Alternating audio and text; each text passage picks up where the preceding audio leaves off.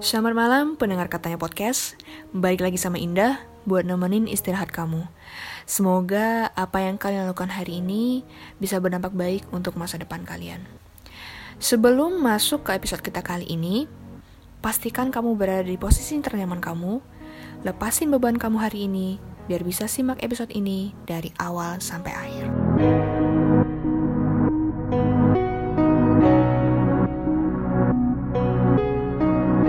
Masa-masa sulit selama pandemi sudah sama-sama kita lewati selama hampir dua bulan lamanya.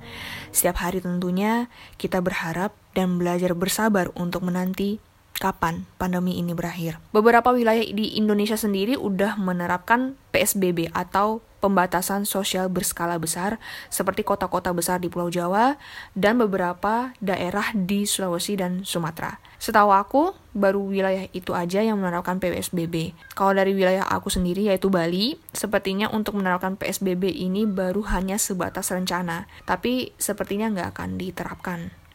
Selama pandemi ini, beberapa kantor dan perusahaan di Bali menerapkan yang namanya work from home atau kerja di rumah, termasuk kantor aku. Nah, WFH ini sendiri dibagi jadi dua tim, yang di mana dua tim ini akan bergantian kerja di kantor dan kerja di rumah. Selama tim aku mendapat bagian, aku memilih untuk tetap kerja di kantor karena ada beberapa hal yang memang harus, uh, memang harus atau mungkin hanya bisa dikerjakan di kantor. Dan laptop aku juga belum support untuk kerja di rumah, support ini dalam artian sistemnya itu belum aku setting untuk bisa buka sistem informasi uh, kantor aku sama setting emailnya uh, setting email kantor juga belum dan akhirnya setelah beberapa um, waktu yang aku perlukan untuk setting laptop akhirnya aku bisa untuk setidaknya mempertimbangkan untuk mulai kerja di rumah. Nah, selama kerja juga, aku memperhatikan media sosial dan membaca berita mengenai banyaknya hal yang terdampak dari pandemi ini. Memang banyak, semua hal itu terdampak eh, COVID-19 ini, tapi izinkan aku untuk memberikan opini aku bahwa aku mengambil tiga hal yang benar-benar terdampak bagi seluruh masyarakat di dunia ini, termasuk aku. Aku juga kena efeknya by the way. yang pertama yang ingin aku bahas adalah hal mengenai pendidikan. Dari yang aku alami, pendidikan ini benar-benar kena dampak dari pandemi ini. Memang sih untuk saat ini aku nggak sekolah lagi tapi nggak tahu ya ke depannya mungkin aku bakal ada rencana untuk lanjutin studi aku entah itu S2 atau mungkin melanjutkan pendidikan non formal seperti mungkin aku bakal mengambil les uh, bahasa asing atau les musik aku juga nggak tahu. Everything is about plan. Dari Hari Raya Galungan dan Kuningan yang waktu itu jatuh pada tanggal 18 Februari 2020, adik adik aku itu udah libur, udah libur sekolah.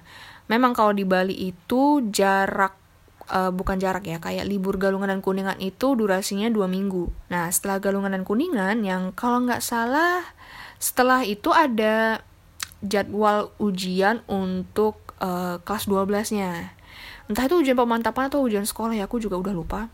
I don't know. Nah, karena pandemi ini mulai muncul, ujian tersebut diundur sampai batas waktu yang nggak bisa ditentukan dan libur pun diperpanjang. Rencananya memang uh, ujian itu dilaksanakan setelah Hari Raya Nyepi yang jatuh pada tanggal 25 Maret 2020.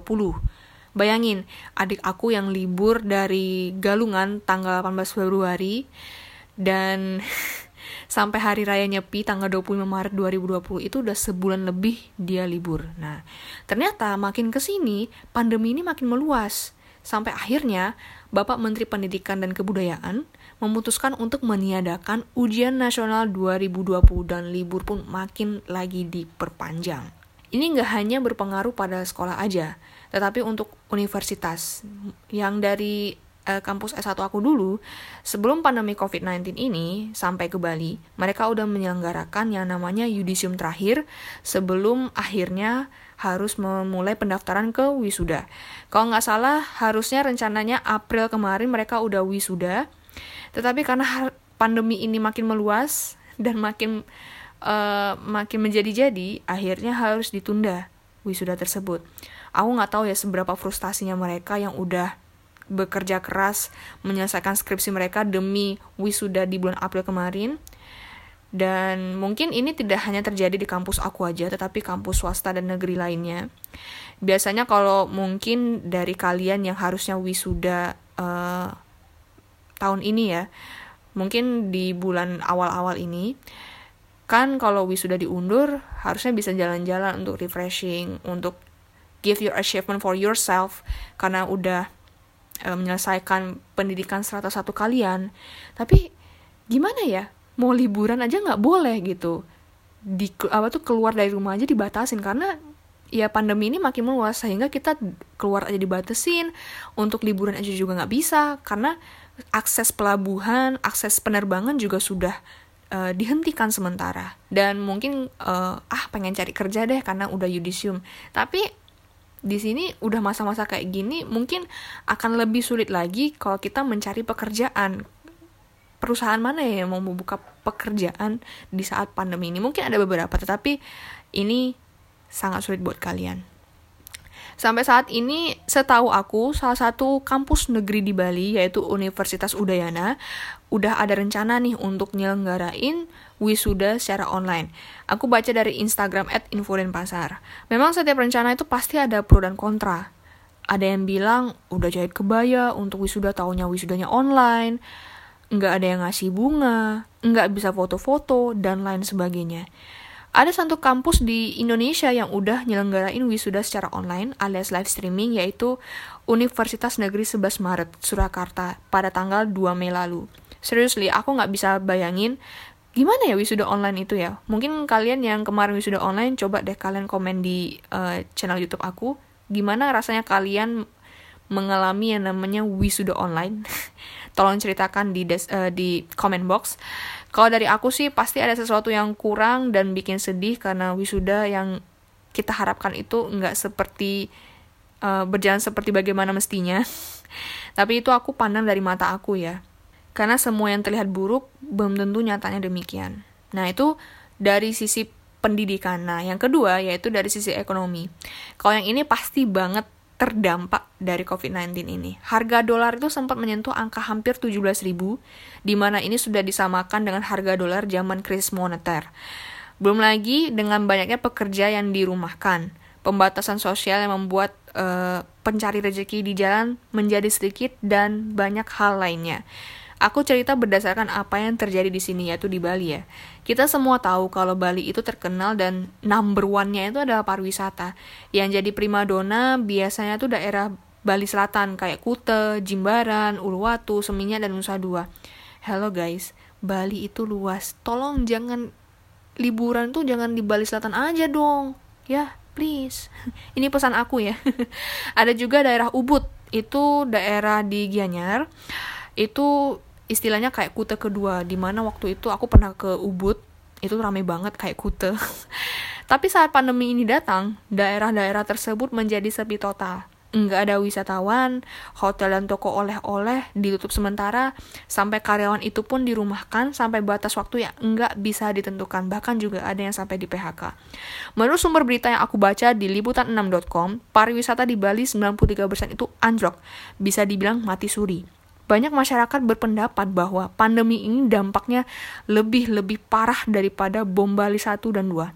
Lebih parah ya, tolong digaris bawahi. Banyak teman aku yang kerja di bidang pariwisata harus benar-benar cari jalan keluar untuk menyambung hidup dengan berbisnis kecil-kecilan. Ada yang terpaksa pulang ke kampung halaman karena belum bisa bayar tagihan dan uh, tagihan kontrakan atau cicilan kendaraan dan lain sebagainya.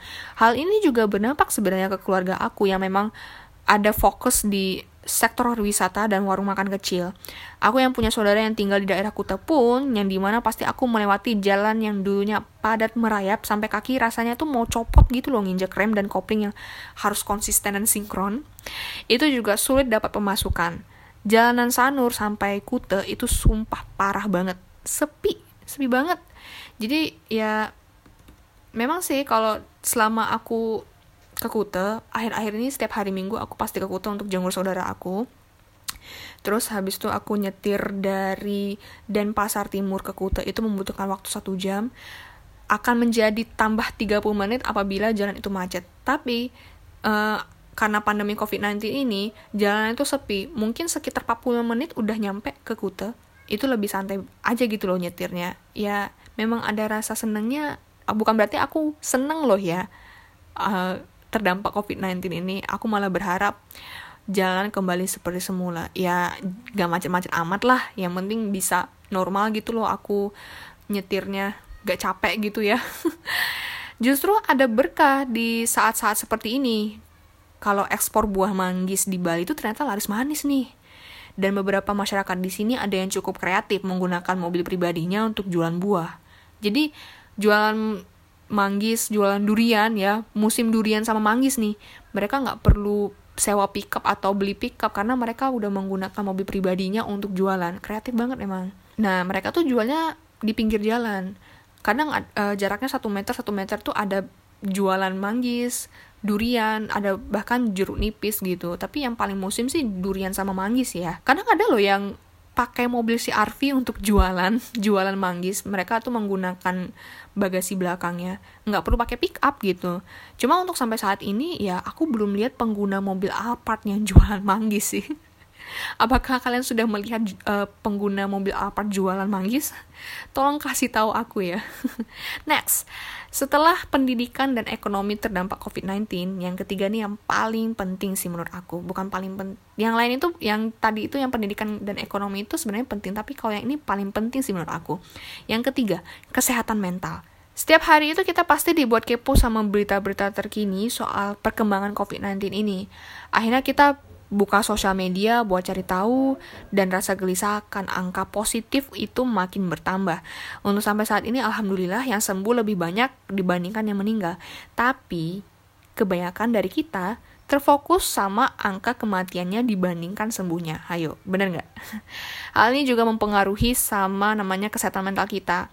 Tiap mental orang kan beda-beda ya ada yang mungkin cuek aja sama dia memahami prosedur yang diberikan untuk membatasi kegiatan di luar dan gak lupa cuci tangan, dia akan aman. Ada juga yang kepikiran sampai esok hari dan mulai merasa ada sesuatu yang aneh di dalam tubuhnya padahal baik-baik aja. Ada juga yang terlalu parno dan minimnya mendapatkan informasi sehingga kejadian yang gak ngenakin kayak penolakan jenazah positif COVID-19 itu terjadi. Selain informasi resmi, informasi hoax juga gak kalah bikin gelisah. Menurut aku ini sangat-sangat disayangkan ya. Kenapa masih juga ada yang tega membuat orang khawatir dengan berita-berita menghayal diseberluaskan di media sosial, termasuk WhatsApp. Kita waspada itu boleh, paniknya yang jangan. Aku nggak habis pikir sih kalau hal-hal seperti itu. Aku yang juga masuk di grup WA kantor, itu awal-awal juga sibuk nge-share berita yang isinya kalau ada salah satu wilayah di Denpasar udah masuk zona merah, karena ada yang positif. Rame-rame nih mereka nge-share sampai akhirnya aku secara nggak langsung juga panik. Di sinilah aku harus ngebatasi atau istilahnya kayak harus bisa mengontrol emosi secara baik agar mental aku nggak terganggu dengan cara rehat sejenak dari ponsel. Mengalihkannya dengan baca buku atau desain materi atau mungkin mendengarkan lagu gitu. Lalu juga pernah ada yang bunuh diri karena depresi pasca di PHK-nya dia dari tempat kerja. Kita nggak pernah tahu masalahnya apa sampai seberat itu dia hadapi dan mengalami PHK. Jadi jangan judge dan banding-bandingkan nasib yang kalian jalani ya. Ini kebiasaan nih orang-orang Indonesia kalau udah diajak curhat, diajak cerita malah banding-bandingin nasib. Itu sangat tidak direkomendasikan dan unrespect banget. Untuk informasi sebenarnya nggak ada yang larang sih untuk kita akses, tapi tahu porsi juga biar mental kita tuh nggak terganggu. Kalau kesehatan mental terganggu, ya akibatnya ya susah tidur, stres, nafsu makan terganggu. Nanti kalau sakit harus ke rumah sakit kan makin berabe urusannya kan. Menurut aku nih, kalau kita sakit nih, cuma minum obat tapi kita stres. Itu kayak kita tuh ngisi air di ember pecah. Percuma. Itulah kenapa dari banyaknya psikiater dan psikolog itu menyarankan untuk mental healing juga di saat kita sakit. Saran dari aku, kurangi kekepoan kita. Kalau ngebahas yang meninggal aja ya pasti bakal ngaruh ke mental health kita. Lihat angka harapan sembuhnya dan tetap ngelakuin prosedur pemerintah untuk tetap menggunakan masker. Cuci tangan jangan lupa, konsumsi vitamin, dan kurangi sementara beraktivitas di luar. Latih juga kesehatan mental dengan ngelakuin hal favorit kamu seperti dengerin musik atau buat DIY, nulis atau ngebayangin ketemu artis yang kamu suka. Selama nggak ganggu orang lain ya it's okay to be okay gitu. Karena imun kita tuh sangat terpengaruh sama mood yang kita yang sedang kita alami. Jadi kalau mood kita negatif, pikiran kita negatif, ya imun kita bakal menurun dan mengakibatkan kita tuh sakit. Nah, kan nggak mau kan ya. Jadi tetap lat coba latih uh, kesehatan mental kalian. Apabila kalian sudah ngerasa bener-bener stres akibat pandemi COVID-19 ini, mungkin aku bisa kasih di description box uh, mengenai uh, psikolog atau psikiater yang bisa membantu kalian untuk keluar dari masalah ini. Mungkin aku akan cantumkan di description box atau mungkin bakal aku cantumin di Instagram at katanya.podcast.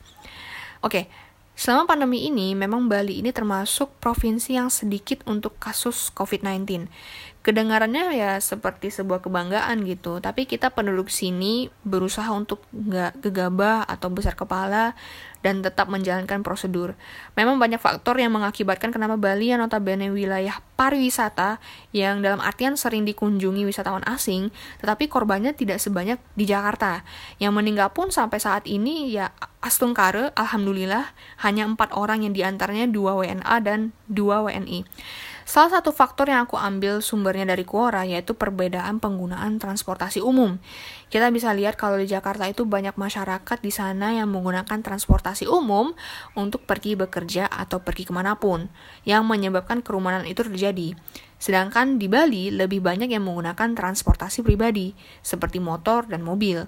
Untuk transportasi umum seperti angkot itu pun udah nggak banyak di sini karena sepi peminat mungkin ada beberapa yang masih menggunakan tapi nggak banyak gitu loh jangankan angkot bus Transar Bagita yang udah disediakan oleh pemerintah kota dan pasar itu bisa dihitung dengan jari yang pakai gitu. Padahal kalau dihitung-hitung dari Batu Bulan ke Nusa Dua cuma 3.500 itu udah sangat-sangat murah gitu. Cuma ya sepi peminat gitu. Transar Bagita itu ibaratnya Transjakarta gitu ya. Kita pasti bisa lewati ini semua Mari sama-sama berdoa agar Indonesia cepat sembuh dan sektor pariwisata Bali berjalan kembali sebagaimana mestinya. Sepertinya untuk episode kali ini aku cukupkan sampai di sini. Makasih udah dengerin episode ini dari awal sampai akhir. Bagi kalian yang mau bagi pengalaman atau ingin berbagi cerita, bisa lewat DM Instagram pribadi aku @indahhidayati atau @katanya.podcast atau juga bisa lewat email di katanyapodcast2 gmail.com. Jangan lupa follow Instagramnya, dengarkan lewat Spotify, subscribe channel YouTube ini, dan aktifkan notifikasinya biar kalian tidak ketinggalan episode Katanya Podcast. Aku pamit undur diri. Terima kasih. Selamat mimpi indah.